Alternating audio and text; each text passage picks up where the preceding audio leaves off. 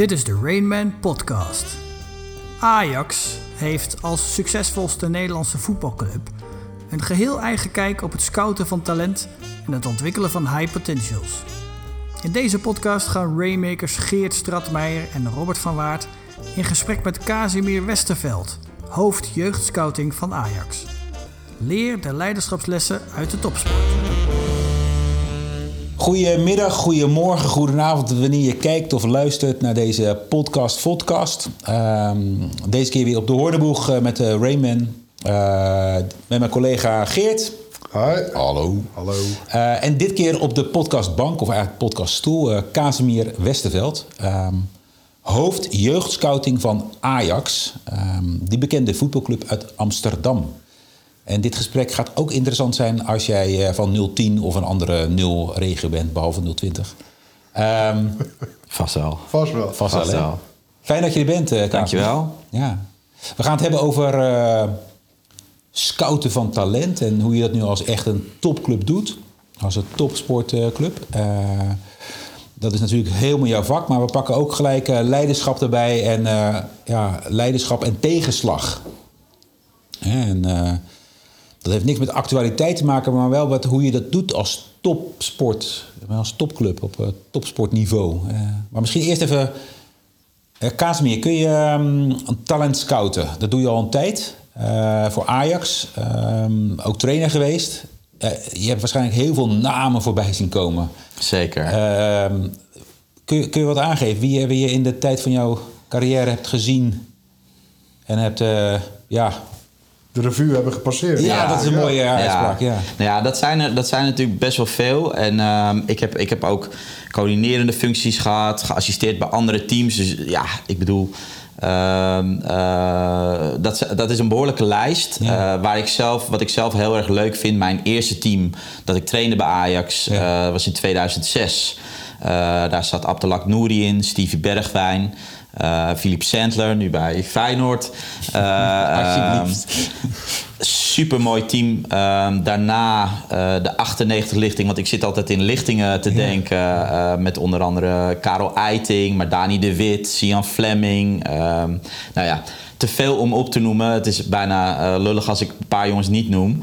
Ja. Uh, hele mooie lichting overigens, die ook uiteindelijk best wel um, allemaal wel eredivisieniveau hebben gehaald. Uh, het jaar daarop met, hadden we een prachtige voorhoede met Donjan Malen, Justin Kluivert, Matthijs de Licht op het middenveld. Dus ja, om er maar wat name dropping te doen. maar het leuke is dat zijn jongens die ik toen getraind heb, uh, maar waar ik eigenlijk ook nog steeds wel goed contact mee heb. Dus dat is af en toe wat appjes, uh, als ze een mooie transfer hebben gemaakt of een doelpuntje hebben gescoord. Um, dus ja, zeg maar de duurzaamheid van uh, de, de, relatie mm. die, die je uiteindelijk ook met jongens krijgt, die is voor mij nog veel mooier dan, dan zeg maar het kunnen droppen van de names, om het ja, zo maar te zeggen. Want dat is niet interessant. Het is interessant dat je juist het talent hebt ja, zien ontwikkelen ook. En dat jij misschien daar een klein tikje aan hebben kunnen maar geven dat is soms. Het, dat en, is uh, het. dat ze zichzelf vooral uh, hebben kunnen ontwikkelen. En nog steeds als je spreekt, dank u trainer. En, uh, dank u trainer? Dat, en dat, ja? Ja, dus dat is... Dat, ik bedoel, het is altijd in de U-vorm. Het is altijd nog in trainer. Ja. En, maar dat is, dat is, dat is, ja, dat heeft enorm veel charme op die manier. En Ja. dat is ja. Ja, super mooi. Ja. Of kun je met je aangeven ja, hoe jullie dat doen. Wat, wat is talentscouten voor, voor Ajax? Wat, wat is jouw job? Ik denk dat heel veel mensen dat wel Ja. super interessant Nou, ik heb een van de mooiste jobs uh, denkbaar. Ajax is mijn club, dus daar, daar begint het mee. Ja. Um, en voor de rest, ik ben um, zelf voetballer geweest. Um, later trainer geworden. Uh, talenten ontwikkelen. En, uh, en eigenlijk, als je dat op het allerhoogste niveau kan doen... met, met de grootste talenten die er te vinden zijn... is dat natuurlijk al op zich heel mooi. Um, en dat heeft uiteindelijk er nu toe geleid dat ik, uh, dat ik talenten mag, uh, mag opsporen, uh, zodat anderen deze kunnen ontwikkelen. Ja. Um, ja, talent ontwikkelen, wat is dat? of scouten, wat is ja. dat? ja, uiteindelijk denk ik um, dat de ervaring die je hebt als zelf voetballer zijn, als, als veel met talent werken en dus uiteindelijk ook referentie hebben met welke spelers zijn nu in al die jaren doorgegroeid tot spelers die uiteindelijk top van Europa hebben bereikt. Mm -hmm. dat, dat die ervaring ehm, eh, een enorme pre is in het werk dat ik doe.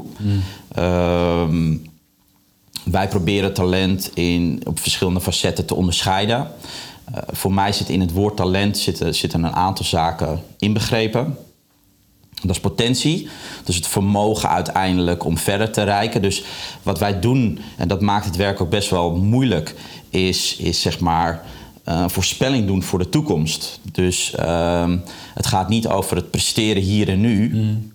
Maar is een jongetje, uh, daar scouten wij dan in ieder geval op, is een jongetje in staat om ook om over tien jaar ehm, op topniveau te presteren? Mm. Nou, um, ik denk door de ervaring die we hebben, ook in ons team en de mensen die, daar, die daarin helpen, um, dat, je, dat je die ervaring sowieso nodig hebt om die inschatting te kunnen maken. En voor de rest ja, is, het, is, het, is het observeren en een aantal elementen uh, uh, scheiden om daar naar te kijken. Ja. Dus ja, als, als jullie een wedstrijdje langs de kant uh, zien, dan vallen een aantal zaken op. En dat zijn in feite ook wel de zaken waar wij naar kijken. Dus je kijkt naar de technische handelingen die een speler kan, uh, kan uitvoeren. Uh, maar ook de keuzes die hij maakt, met of zonder de bal. Um, maar motorische en mentale eigenschappen zijn natuurlijk ook fundamenteel. Dus wij maken ook niet per se een onderscheid tussen die vier onderdelen. Ze zijn allemaal een onderdeel van het scouten van een talent. -hmm. En waar wij dan maar Ajax nog extra nadruk op leggen, is: heeft een speler een wapen? Zoals we dat dan noemen. Ja. Um, heeft hij iets wat hem onderscheidend maakt, uniek maakt ten opzichte van andere jongens? Goed koppen, goed schieten, goed spelinzicht. Ja, nou ja, de ja. eerste twee dingen die je noemt zitten dan aan de technische kant. Het tweede deel is dan zeg maar het tactische uh, gedeelte. En het maakt op zich ook niet uit in welk onderdeel dat is. Maar heeft hij, een, maar heeft hij iets onderscheidends? Want dat is uiteindelijk waarmee je het verschil kunt maken op het hoogste niveau. En jij zegt, we, we kijken uh, niet per se naar wat het nu is, maar meer wat is de potentie. Ja. Kan je, kan je me iets vertellen over want ik, ik zie ervoor me dat jij langs eh, de kant staat en dan zie je een jochie van 8 of 10 of 12, weet ik hoe oud je uh, spot. En dan, hoe, hoe oud zijn ze?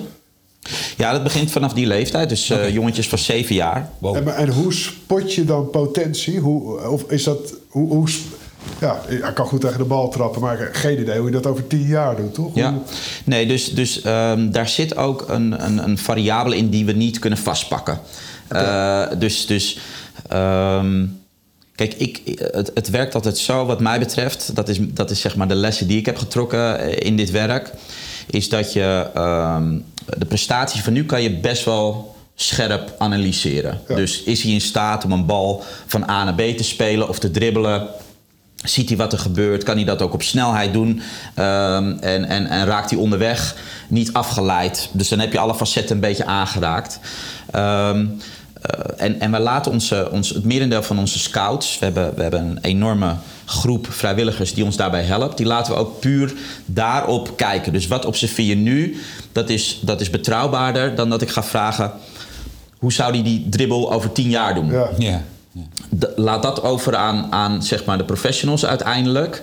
Um, om daar een inschatting van te maken. Dus dat is zeg maar het eerste deel. Um, maar je vraag over hoe kan je dat inschatten over tien jaar? Ja, wat wij dus, eh, dat wou ik zeggen, sorry, maar um, wij kunnen denk ik, potentie kan je, moet je per vijf jaar ongeveer, in, in ieder geval een langere periode, kun je daar opnieuw um, uh, een, een, een, moet je daar weer een uitspraak over doen. Ja. Dus um, het is heel raar als je zegt, ik zie nu potentie en volgende week zie ik die potentie niet meer. Mm. Dat, is, dat, is, dat, dat, klinkt, dat voelt aan alle kanten raar. Maar um, wat je wel merkt is dat na, de, dus uh, onze, onze eerste team wat start is onder acht, tien jongetjes, mm. zeggen we allemaal van potentie AX1. Ik roep even wat of eredivisieniveau. Um, maar wat je ziet in de, in, de, in de praktijk is dat na een jaar of vijf... dat je, dat je sommige jongetjes tegen beperkingen aanlopen... die groeien niet zoals je verwacht had. Mm. Die, die ontwikkelen zich op het technische gedeelte niet zo. Uh, waar wij het idee hadden dat we ze nog konden helpen... op zeg maar, de keuzes maken in het veld, zie je dat dat niet gebeurt. Ja. Dus, dus per vijf jaar heb je, heb je weer dat je dat opnieuw kunt bepalen topsport bij Ajax is ook in de jeugdopleiding dat je, je bent een lid voor een jaar. Dus ieder jaar word je opnieuw um, gewogen en wordt er beoordeeld of je weer verder kan naar het volgende jaar. En is er dus ook een soort van doorselectie. Ja. Dus ehm, ja, ieder jaar vinden wij met de scouting ook weer nieuwe talenten. Ja, die worden weer tegen elkaar afgezet. eh, en daar worden keuzes in gemaakt of je uiteindelijk dus verder gaat of dat je iemand inwisselt. Daarmee doen we twee dingen. Wij zijn natuurlijk allemaal op zoek, zouden we op zoek zijn naar de nieuwe Messi. Maar die vinden we echt niet elk weekend, kan ik je vertellen. Dus wat wij ehm, daarnaast doen, is zorgen dat we door dat doorselecteren het gemiddelde niveau elke keer weer omhoog brengen. Waardoor je toptalenten uiteindelijk, die dus echt die potentie hebben om in de Champions League nog zelfs het verschil te kunnen maken, dat je die elk jaar opnieuw op, eh, op een hoger niveau uitgedaagd krijgt. Ja. Want hoe hoger het gemiddelde van de groep is, Ja, ja, ja, ja. Ja. Het is ook een interessante opmerking die je maakt over... Want ik zit er gelijk te denken, hoe zou je nou in, in vredesnaam in een bedrijf... of als, Ja. een, als een leider, een directeur... Ja. hoe kun je dan talenten... Jij hebt het over scouten. En dan, ja, dan zit ik te denken, hoe, hoe doen we dat in bedrijven? En dan hebben we recruitment. Maar dat is eigenlijk als iemand aan de poort klopt van... eh, mag ik bij je komen werken? Of, nou, we zetten wel eens een advertentie op LinkedIn. Dus, maar jij zegt iets heel moois. Je zegt, we hebben een, een netwerk aan vrijwilligers... die langs al die velden staan in, in Nederland... die eigenlijk voor jullie observeren. ja, Dus ook als je kijkt naar dan bedrijfsmatig... zou je dus ook heel goed vanuit je netwerk dus moeten kijken... wie heeft er iemand die bij mijn organisatie past. ja. En je kent mijn organisatie, je kent de club, de DNA van ons. Ja. Heb je nog iemand in jouw periferie Ja. die bij mij past? In plaats van LinkedIn eh, advertenties posten. En ja, het voelt ook een beetje gek. Zo zijn er naast zeg maar, dat, dat live observeren hebben we natuurlijk ook dat je gebruik kunt maken van data. Ehm, heeft natuurlijk jaren geleden zijn intrede in heel veel soorten Ja. sporten gedaan. Ehm, over het algemeen loopt voetbal ietsje daarop achter. Maar, maar de- voldoende inmiddels om, eh, om, om ook op basis daarvan eh, mensen te vinden, spelers te vinden. Eh, video, ehm, community scouting eh, wordt steeds interessanter. Maar eh, het is precies wat jij zegt. Volgens mij moet je in het traject daar naartoe, ehm, zoals wij dat hebben onderscheiden, is dat een fase van het herkennen van talent. Dus het in kaart brengen van, van wat voor talent is er überhaupt en waar Ja. kan je dat vinden. Vervolgens ga je daarop inzoomen en ga je dat talent beoordelen. En dan pas kom je in de fase dat je ook iemand probeert aan te trekken. En mensen zeggen wel eens, als ik vraag van wat is scouten voor, betekent dat voor jullie? Dan is het antwoord vaak van ja, dat is, dat is talenten binnenhalen. Maar zoals je dat nu hoort, is dat eigenlijk pas de laatste fase. Want Ja. in binnenhalen zitten ook zoveel aspecten nog van ja, hebben we daar überhaupt wel plek voor? Want als we iemand Ja. binnenhalen, moet er ook iemand weg. Ehm, concurrentie. Eh, een speler kan ook kiezen tussen verschillende clubs. Dus je kan hem nog zo positief beoordeeld hebben, maar de keuze moet dan wel nog vallen op jou. Dus ja, volgens mij is dat maar een onderdeel inderdaad uiteindelijk van het hele spectrum scouting. Ik vind het wel interessant, je hebt het ook over doorselecteren. Als ik dan aan het bedrijfsleven denk. Ieder jaar hè, dan, eh, dan, hoop je, dan hoop je dat organisaties een functioneringsgesprek hebben. Is dat dan een soort van doorselecteren? Maar bij jullie is het iedere keer een soort van een zwaard van Damocles letterlijk eh, bij. Zeker bij de jeugd kan ik me voorstellen. Ja, nou dat proberen we absoluut niet zo te laten zijn. Nee. Ehm, simpelweg omdat je met kinderen te maken hebt. Ja. eh, met met eh, de dromen die uiteen kunnen spatten. Ja, dus daar ja. zijn we ons heel erg van bewust. Ehm, ik denk ook in die zin dat, dat wat, wij, wat wij sowieso wel... eh, of, of de situatie moet echt heel anders zijn... maar dat we, dat we in de eerste twee jaren bij de jongste jeugd... ook kinderen echt wel die twee jaar eh, de kans ook geven. Ja. Zodat je zeker bij de jongste leeftijd daar, eh, daar voorzichtig mee bent. Ehm, in het voortraject is het ook wel interessant. eh, kiezen wij er heel bewust voor de jongste jongens, zeg maar onze onderbouw van onder 8 tot en met onder 12. Als ze stage komen lopen, want dat is een deel van uiteindelijk het, eh, het scoutingsproces dat we dat niet in de Ajax-teams laten plaatsvinden, wat we bij de middenbouw en bovenbouw wel doen, omdat je daar de perfecte referentie hebt. Maar dat we dat op een zondagochtend helemaal apart organiseren, dat talenten met talenten zijn. Getraind door Ajax-trainers, maar dus in een, in een omgeving waarbij niet dat gevoel is van ik moet binnen die setting tegen Ajax-spelers waar je al tegenop kijkt in die kleedkamer. Ja, je kunt je er wat bij voorstellen Ja. hoe spannend dat kan zijn. Dus dat proberen we daar echt heel bewust uit te trekken. Dat proberen we niet, dat doen we.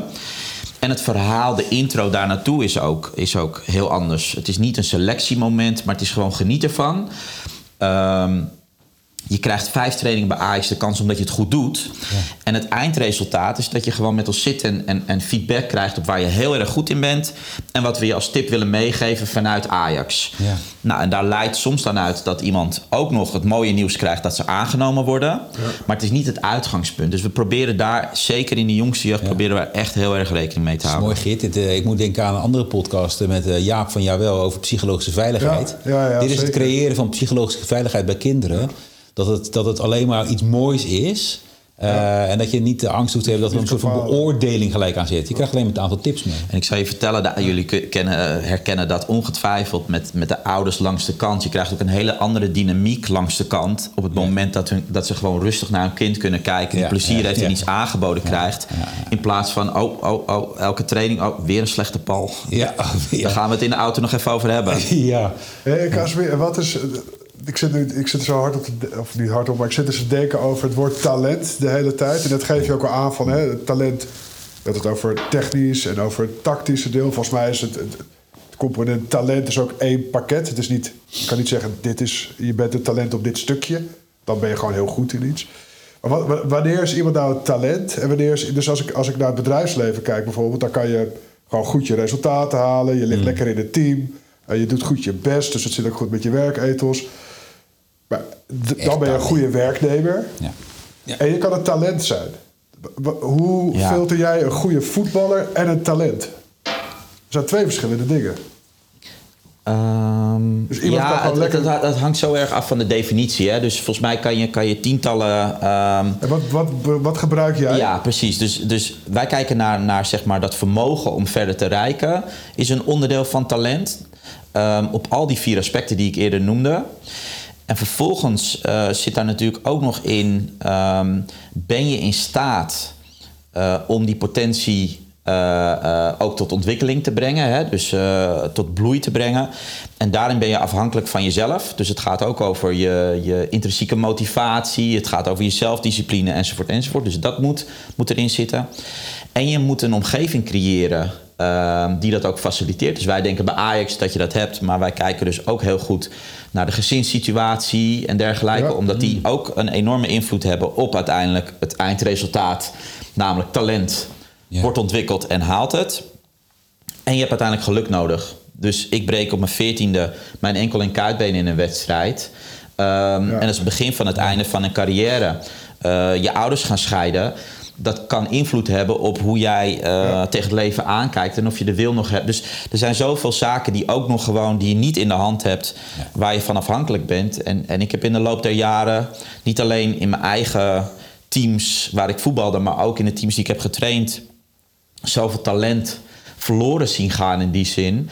Dat ehm, ja, het is geen gegeven als je, als je een paar van die boksen kan, eh, kan tikken, Nee, nee, dat, nee. dat het ook uiteindelijk ook gaat lukken. En is het ook nog, is eh, wel of geen talent, is dat nog een subjectief iets wat afhankelijk is van degene die het beoordeelt? Super. Dus het kan ook zomaar zijn dat jij en ik bij wijze van spreken elkaar op een persoonlijk level niet heel goed klikken. En dat ik daardoor niet het talent ben. Ja, natuurlijk zit er een hele pool om jou heen. Maar ook weer volgens mij, als je, als je dit weer naar het bedrijfsleven toetrekt. Ja, ik, ik werk veel met organisaties waar dan het, het talentgroepen worden gestart. Weet je wel, Ja. van high potentials en Ja. dit en dat. Ja, ik vraag me dan altijd af, ja, hoe beoordeel je dit nou? Hoe bepaal je nou dat die er wel in zit en die er niet in Ja. zit? En, Is het nou gunnen? Is het nou, vind je Exact. leuk? Je hebt, iets goed, je hebt een keertje iets goeds gedaan of, of je hebt gewoon eh, goed, eh, je, je bekt goed en je kan jezelf goed erin praten. ja, toch? Ben je misschien een hele goede salesman of is vrouw? interessant, hè? Dus eh, hoe, hoe, hoe doen jullie dat dan? Eh, je zei net al data, dat jullie data gebruiken. Want je, want je hebt een heel groot scoutingteam, eh heb ik eerder van je begrepen. Ja, we hebben op kantoor hebben we nu ehm, eh 13 mensen professioneel werken. Daar zitten nog eh, een, een achttal vrijwilligers, de stagiaires omheen Ja. die ons ondersteunen. Dan hebben we 100, eh, zeg maar 120 vrijwillige scouts Wow. in Nederland. En dan hebben we in een paar buitenlanden ook nog wat Dus FTE. hoe zorg je dat je een scoutingmanier hebt? Ja, nou dat is dus ook super moeilijk. Ja.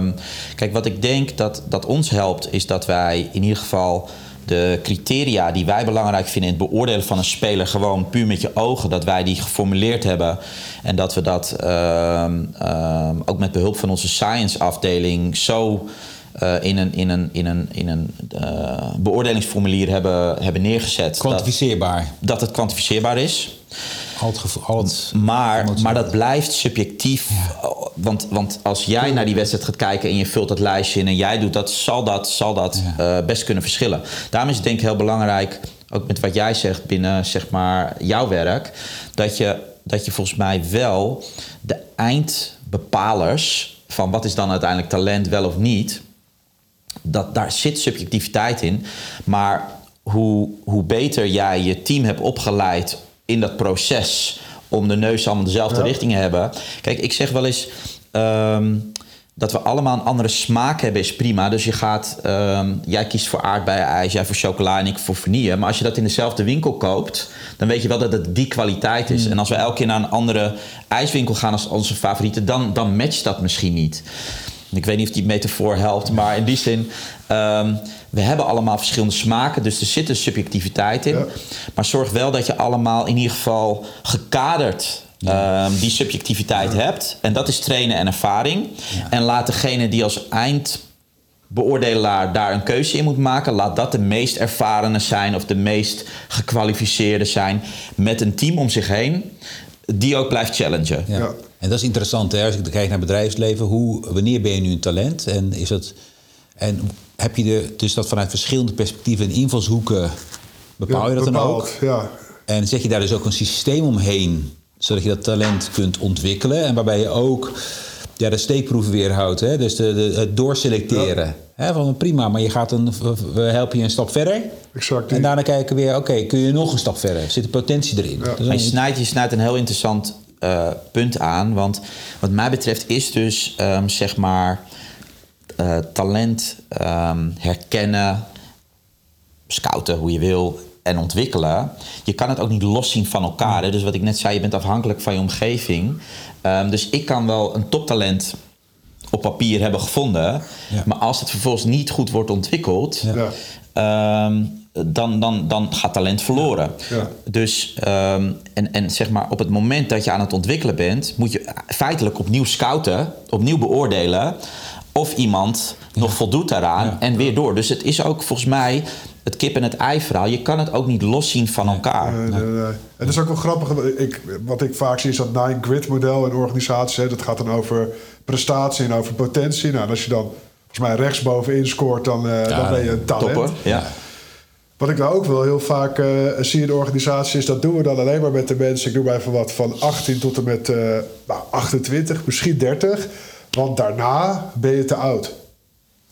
Ook heel grappig, toch eigenlijk? Ja. Dus kennelijk vanaf je dertigste kan je geen talent meer zijn of zo. Nou, sorry Geert, maar dan eh, Ja, is, dus ik- het klaar voor jou? En Ja, voor mij zeker. Voor jou zeker. Ja, dat, carrière. dat is ook wel interessant. Maar dat, dat is meer even. Maar ik ben het helemaal met je eens. Dus talent, het, en wederom definitie talent. Ja. Maar talent heeft volgens mij niks met jeugd te maken, maar met de kwaliteit en de, en de potentie, potentie die je en hebt. wat je wil bereiken. Wat je gaat toevoegen, ja. ja. En, en dat noemde je al een belangrijke eh, eh, skill voor leiders eigenlijk. Hè? Dat, je noemde hem niet zo letterlijk, maar dat jullie bijvoorbeeld voor de, voor de jongste talenten echt ook die psychologische veiligheid creëren. Welke, welke tips heb je eigenlijk voor leiders in organisaties om talent echt goed te begeleiden? Want je, je kan leuk in zo'n hokje zitten en dan zit je in de talentklasje en klaar. Nou, dat, doe je misschien een half jaar programma. Maar hoe kan je nou als leider ervoor zorgen dat in jouw organisatie talent echt tot, ja, tot uiting komt? Dat het zeg maar maximaal wordt ontwikkeld? Wat, Ja. Ik vind het best wel een, eh, een eh, het is een simpele vraag, maar volgens mij een, een giga groot antwoord, antwoord, ja. wat alle kanten ook op kan. Dus ik, ik, ik- een paar dingen die ik eruit zou kunnen pakken is volgens mij ehm, talent heeft nodig ehm, aandacht, individueel. Dus ik denk dat dat misschien ook wel een Ja. mooie, mooie eh, parallel is met het werk wat wij doen. Bij ons staat het individu centraal. Dus het gaat niet om winnen met teams, maar het gaat met het ontwikkelen van een individu. Want dat individu moet uiteindelijk ehm, ehm, maximaal ontwikkeld worden om uiteindelijk binnen een team weer eh, te kunnen Ik functioneren. wou het zeggen, dus het En gaat om teamprestatie, maar in talentontwikkeling gaat het om het individu. Ja. Zodat ze een teamprestatie kunnen Ja, leveren. en in de jeugd ben je onderdeel van een team, maar zien wij wel gewoon, zeg maar, op het moment dat een wedstrijd gespeeld wordt, elf individuen in het veld die allemaal in hun eigen proces zitten. Je kunt dus ook, je moet dus ook differentiëren, vind ik, als het gaat over het ontwikkelen van talent. Dus kijken van wat zijn de behoeftes en hoe gaan we deze speler in ons geval ook, ook goed uitdagen. Eh, want eh, spelers moeten geprikkeld blijven worden om steeds weer die volgende stap in hun ontwikkeling Dus eh, dat is mee te gaan tweede maken. eigenlijk. Dus je zegt één is individuele aandacht. Ja, En die vertaalt zich dus ook naar welk talent gaan we bij dit individu ontwikkelen. ja, Dus een, een, een talentklasse in een organisatie die voor alle twaalf deelnemers hetzelfde is, is gek. dat vind ik raar. Ja. ja. Dat is- Dat is een klas. Ja, of, nou, maar, maar of een talentgroep Nee, of een nee, talentprogramma. Dat is maar een ja. klas. Ja. Dat is net zoals op school. Iedereen Ja, krijgt Precies. hetzelfde. Ja. ja, dus dat past niet in de wereld waarin wij zitten. En ik denk uiteindelijk in welke wereld we het ook hebben over, over talentontwikkeling, dat je er op die manier naar moet kijken. Ehm, ehm, sorry, nog eventjes jouw twee. Ja, dus punten haalde jij eruit? dus je, je focust op het individu. Ja. En vervolgens ga je bij het individu, individu dus ook voor de persoon kijken waar hij of zij zich te ontwikkelen heeft. Daar wou ik op inspringen inderdaad. En dan, en dan vooral beginnen met wat maakt hem uniek. Laten we dat ook uniek houden. Dus Dat wapen. ga vanuit dat wapen, zeg maar zijn kracht. Focus Stop daar, stop daar de meeste tijd in. Ja. En stop minder tijd in waar hij niet goed in is. Natuurlijk moet je wel dat naar een, naar een goed level brengen om mee te kunnen overall. Maar juist dat, dat unieke gaat uiteindelijk het verschil maken. Waardoor deze speler wel de top haalt en de ander niet. Dus ik zou dat gedeelte nog doen. En daarnaast ehm, zorg dat, dat, je, dat je een goede balans hebt in, in zeg maar taak en relatie. Dus ehm, ja, je kan volgens mij ehm, keihard zijn op de taak dit is wat we van je verwachten en wat we ook van je mogen verwachten. Ook als het gaat om kinderen. Gewoon je best doen. En, en nou ja, eh, dat is eigenlijk nog het belangrijkste misschien.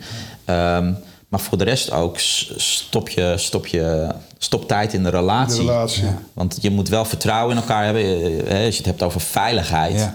Ja, dat is natuurlijk cruciaal Ja. om. eh, en en wij, noemen, wij vertalen veiligheid meer naar plezier, denk ik. Ja. Je moet met een glimlach op je gezicht naar een training komen. Het is het allerleukste wat, wat er is. Hè? Het is allemaal je hobby, je passie. Dus het zou enorm slecht zijn als ze met, eh, met een sikkeneurig gezicht eh, naar huis gaan. Dus Dus het is nog wel heel interessant. hè, Als je dan kijkt naar wat jij zegt over focus op dat wapen. Focus, eigenlijk op de ontwikkeling van een sterkte. En zorg dat de rest wel op het acceptabele basisniveau is. Ja, ja. Als je weer kijkt naar organisaties. Zie ik daar gelijk een enorme error. Want daar word je op basis van je functiepakket. Ja. Hè, je functieomschrijving. Dat is een soort ja, middelmatigheid over wat een ieder moet kunnen. De standaard. En ook al, ja, en ook al presteer je extreem goed op X. Als je op Y achterblijft, krijg je ook nog steeds een slecht functioneringsgesprek. ja. Terwijl jij eigenlijk zegt, ja, zolang Y maar op het basisniveau is, heb ik liever dat die X vier, voor Waanzinnig. vijfvoudigt. Ja. Interessant. Ja. Hoe dat En werkt. Anders werkt, Ja. zeg maar. Ja. Ja, zeker. zeker. En, en, en het woord wat ik nog niet genoemd heb, maar wat, in hier, wat hierin natuurlijk volgens mij cruciaal is, is dat je dus constant beseft dat je bezig bent met een proces. Ehm, en, en op het moment dat je bezig bent in een proces, dan is zeg maar. Dan gaat het er meer om, ben je onderweg ergens naartoe. En dan is zeg maar de output van het moment waarop je die beoordeling hebt, is dus niet per se eh, cruciaal, maar gaat het meer om: hebben wij onderweg erin gestopt wat we, en jij ook degene die beoordeeld wordt, ehm, om het toch voldoende te laten zijn, in plaats van dat misschien de outcome op dat moment Ja. wat minder is. Ja. Super.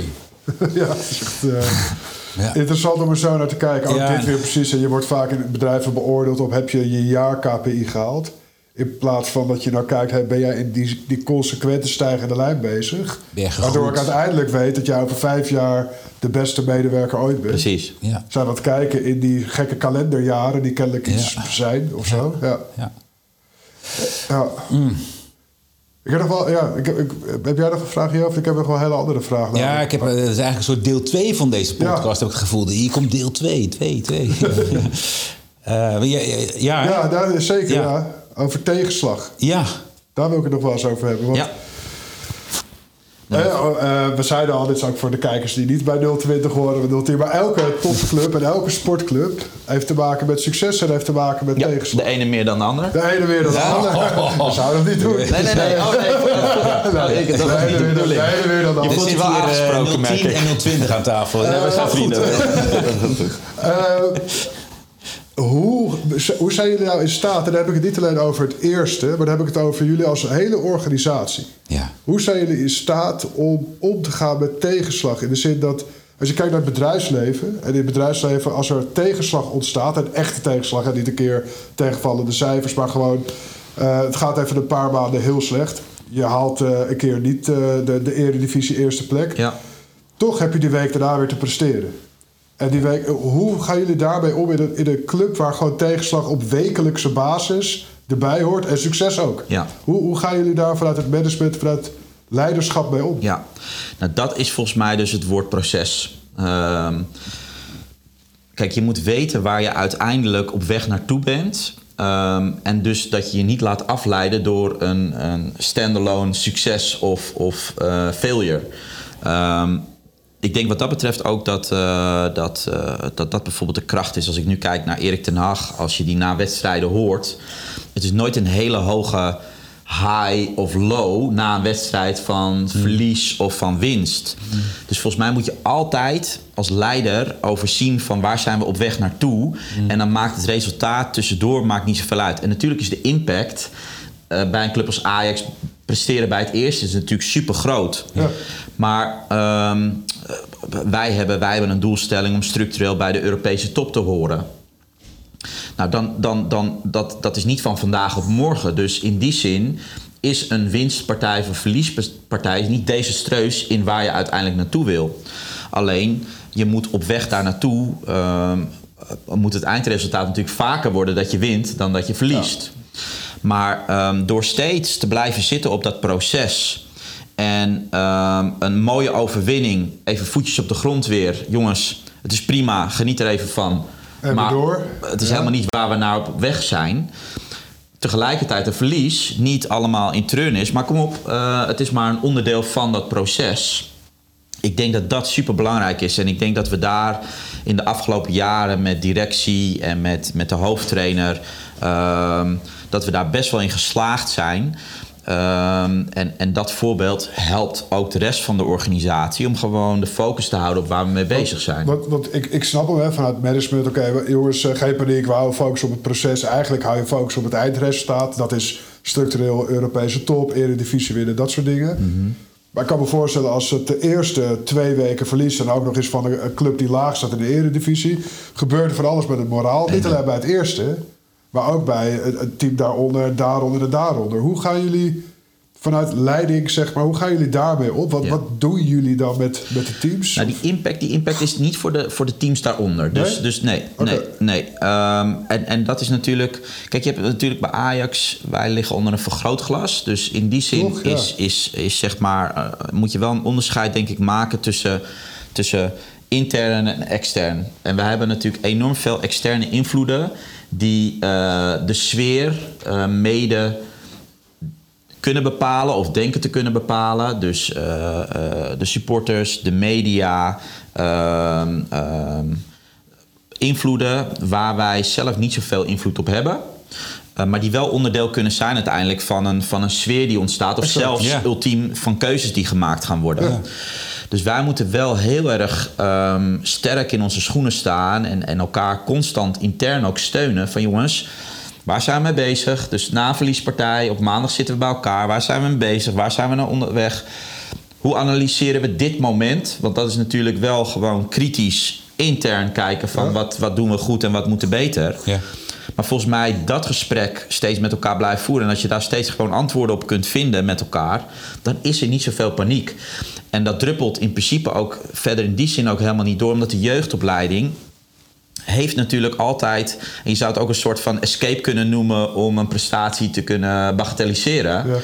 Bij ons gaat het niet om presteren, maar gaat het echt gewoon puur om eh, ontwikkelen. Dus ehm, als wij met onze onder 18, zeg maar het hoogste team in de jeugdopleiding, een keer verliezen van Herenveen of van eh Pek Zwolle, Ja. of, dan is er geen paniek, want het is onderdeel van een proces. En is het ook Ja. wel eens fijn dat, je een keer, eh, dat die spelers een keer een tikkie krijgen. Ja, van als je niet je best doet, als je niet je best doet, is dit het gevolg. Ik heb liever dat je het nu leert, dan dat straks eh, tegen, tegen Benfica in de Champions League zoiets gebeurt. Dus Ja. met andere woorden, dan is het ook weer deel van het proces, de prestatie. Dus eh, wij, wij weten wel, zeg maar, daar goed onderscheid in te maken. maar wat, dan hoor ik jou eigenlijk zeggen dat jullie dus vanuit eh, en even bedrijfstermen weer vanuit het MT of vanuit de leiding binnen het bedrijf, continu bezig zijn met niet het incident de toon van de dag te laten bepalen. Maar wederom, jongens, wat is het grote eindplaatje? Wat gebeurt er nu feitelijk? En dat is ook weer heel consequent uitdragen in de organisatie. Ja, waarbij ze het wel eh, onderwerp van gesprek maken. Ja, en dan kon je op maandag na verliespartij, ik denk ook na winstpartij, jongens, helemaal te gek. Maar weer voetjes op de vloer. Ja. Koppen bij dus- elkaar. Ja, dus maar iedere keer vanuit het Ja. gewenste resultaat, het eindresultaat waarnaar je gaat, het lange termijn plaatje, Precies. dat laten prevaleren, dat de focus geven. En steeds hetgeen wat er dus gebeurt, ja, dat, daar, eh, dat, dat daaraan relateren. Om zo te Ja. En dat doen, jullie, dat doen jullie dus, zoals je zegt, eigenlijk door alle teams heen. En, kijk, ik kan me best voorstellen dat als het eerste, bij wijze van spreken, keer in de, in de beker eruit gaat tegen een onbekende club. Dat het iets doet met de trots van de jochies eh, van 12 of zo. Ja. Die krijgen op school, oh ja, wat een nepclub en Ja. eh, Ja. dat soort dingen. Maar daar, ook daarin weer hebben jullie dus consequent hetzelfde verhaal. En leer je ze eigenlijk gewoon omgaan met, ja, tegenslag hoort er ook bij. Ja, nou ja, kijk, ehm, bij volwassenen gaat het allemaal wat trager dan bij kinderen nog. Ja. Ik bedoel, ehm, ik ben zo'n supporter dat als wij hebben verloren in het weekend, dat ik eh, de praatprogramma's op zondag ook even oversla. Dus eh, zo eerlijk moet ik ook zijn. Ja, ja. Maar ik bedoel, ehm, als ik onderdeel daarvan zou zijn, dan is dat op maandag gewoon weer eh, daar zakelijk naar kijken. Ja. En kinderen, ja, ik bedoel, als wij verliezen, die gaan vervolgens weer buiten voetballen en het is weer weg. Hè? Dus ik bedoel, in die zin, ja, dat, dat eh, moeten we ook niet overschatten. Nee, dit is wel een interessante les ook hè, in het kader van gewoon het bedrijfsleven en organisaties. Van hoe gaan die daar dus mee om met tegenslag? Hè, want eh, daar, als, als het daar tegen zit, ja, dan ontstaat er vaak een crisis. Ja. En dan moet er gelijk actie op ondernomen. Dan moeten dingen anders gaan doen. En eh, is het plan nog wel het juiste, et cetera. Sterker nog, er worden allemaal initiatieven gestopt. Gestopt. Ja, we kunnen nu heel even niet verder gaan met deze, deze Niet ontwikkeling. investeren, want, niet investeren, ja. Ja, terwijl, ja, terwijl eigenlijk als je zegt het eindresultaat, het is ook veel verder dan eind dit jaar. En dat is een soort con- consequent, cons- continu eindresultaat, continu bij de top van Europa horen.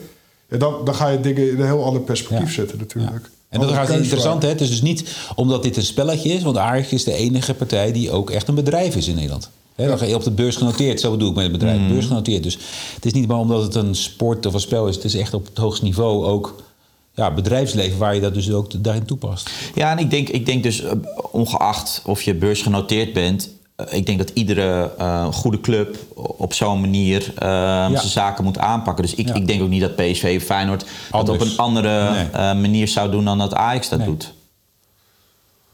Maar er zit dan verschil in met bedrijfsleven en, eh Ja, en ja, absoluut. teams. Hè? Dus, eh, ja. Korte termijn versus lange termijn. En, Maar daarbij, daarbij moet natuurlijk ook een afrekening kunnen plaatsvinden op lange termijn. Dus ehm, ook dat, alleen het is over een langere periode gesmeerd. Maar, ja. maar uiteindelijk moet je natuurlijk wel, ehm, ook als directie, na, na een jaar of vijf of, of iets dergelijks, eh, moet je natuurlijk ook afgerekend kunnen worden. Belonen of, eh, of, of afrekenen, hoe je wil. Maar. Ehm, dus in die zin eh, is er uiteindelijk natuurlijk ook wel iets concreets. En Er is niet altijd alleen afrekening Precies, ergens, precies. Ja, ja, ja, eens. Maar ik denk dat hetgene wat ik hieruit meeneem voor jou is... De, als je je horizon dus veel verder gooit dan een jaar... en eigenlijk ook een soort continu horizon maakt... ja. anders dan eh, over een jaar willen we hier staan. Ja, dat, dat, dat is een onderdeel, dat weet ik zeker. Ja. Stel dat jullie eh, op een bepaald jaar op X presteren... dan is het wel, oké, grote horizon is dit... Komend jaar willen we op zijn minst dit Precies, bereiken. tuurlijk. Natuurlijk zit dat er ook Ja. in. Daardoor wordt het eenvoudiger om om te gaan met tegenslagen. Exact. Ja. kan je dingen in een ander perspectief gooien, waardoor je veel meer rust kan bewaren in, in, en veel meer kan kijken naar het proces in plaats van het incident. Ja. Zowel positief als negatief. Want Dan wordt het veel te veel geleid door emotie in plaats van de ratio. Ja. En uiteindelijk, als je volgens mij goed eh, leiderschap hebt, dan, dan zul je ook gewoon moeten nadenken over de dingen die je doet. Er moet er een plan zijn. Dit vind ik wel een mooie afsluiter. Hè? Meer, la- minder laten leiden door emotie en meer door ratio. Meer naar het proces ja. kijken. En, dat, en dan hebben we het over sport. Weet je wat? Ja. Ja, ja. hoe gek dat ook klinkt. Hoe gek ook maar wel, Sport maar wel is gewoon, emotie, maar ja. wel gewoon in het stadion heel hard juichen Ja, of, ja. of schelden als En het niet goed gaat. kijken, ja. Zo is het ook. Ja. Ja. Mooi. Casimir, ontzettend bedankt eh, voor, eh, voor vandaag. Ehm, Graag gedaan. Geert, jij ook? Eh, Ja. Vond je dit nu leuk? Eh, geef dan een duimpje, commentje, dat soort zaken. Eh, heb jij dus iets van... hey, ik wil een keertje bij jullie op de, op de podcastbank... want ik heb ook nog een gaaf onderwerp of ik ken iemand. Laat het dan even weten via eh hallo@raymondgroup.com. Of laat een berichtje hierachter. En dan zien we jullie de volgende keer. Dankjewel. Jo.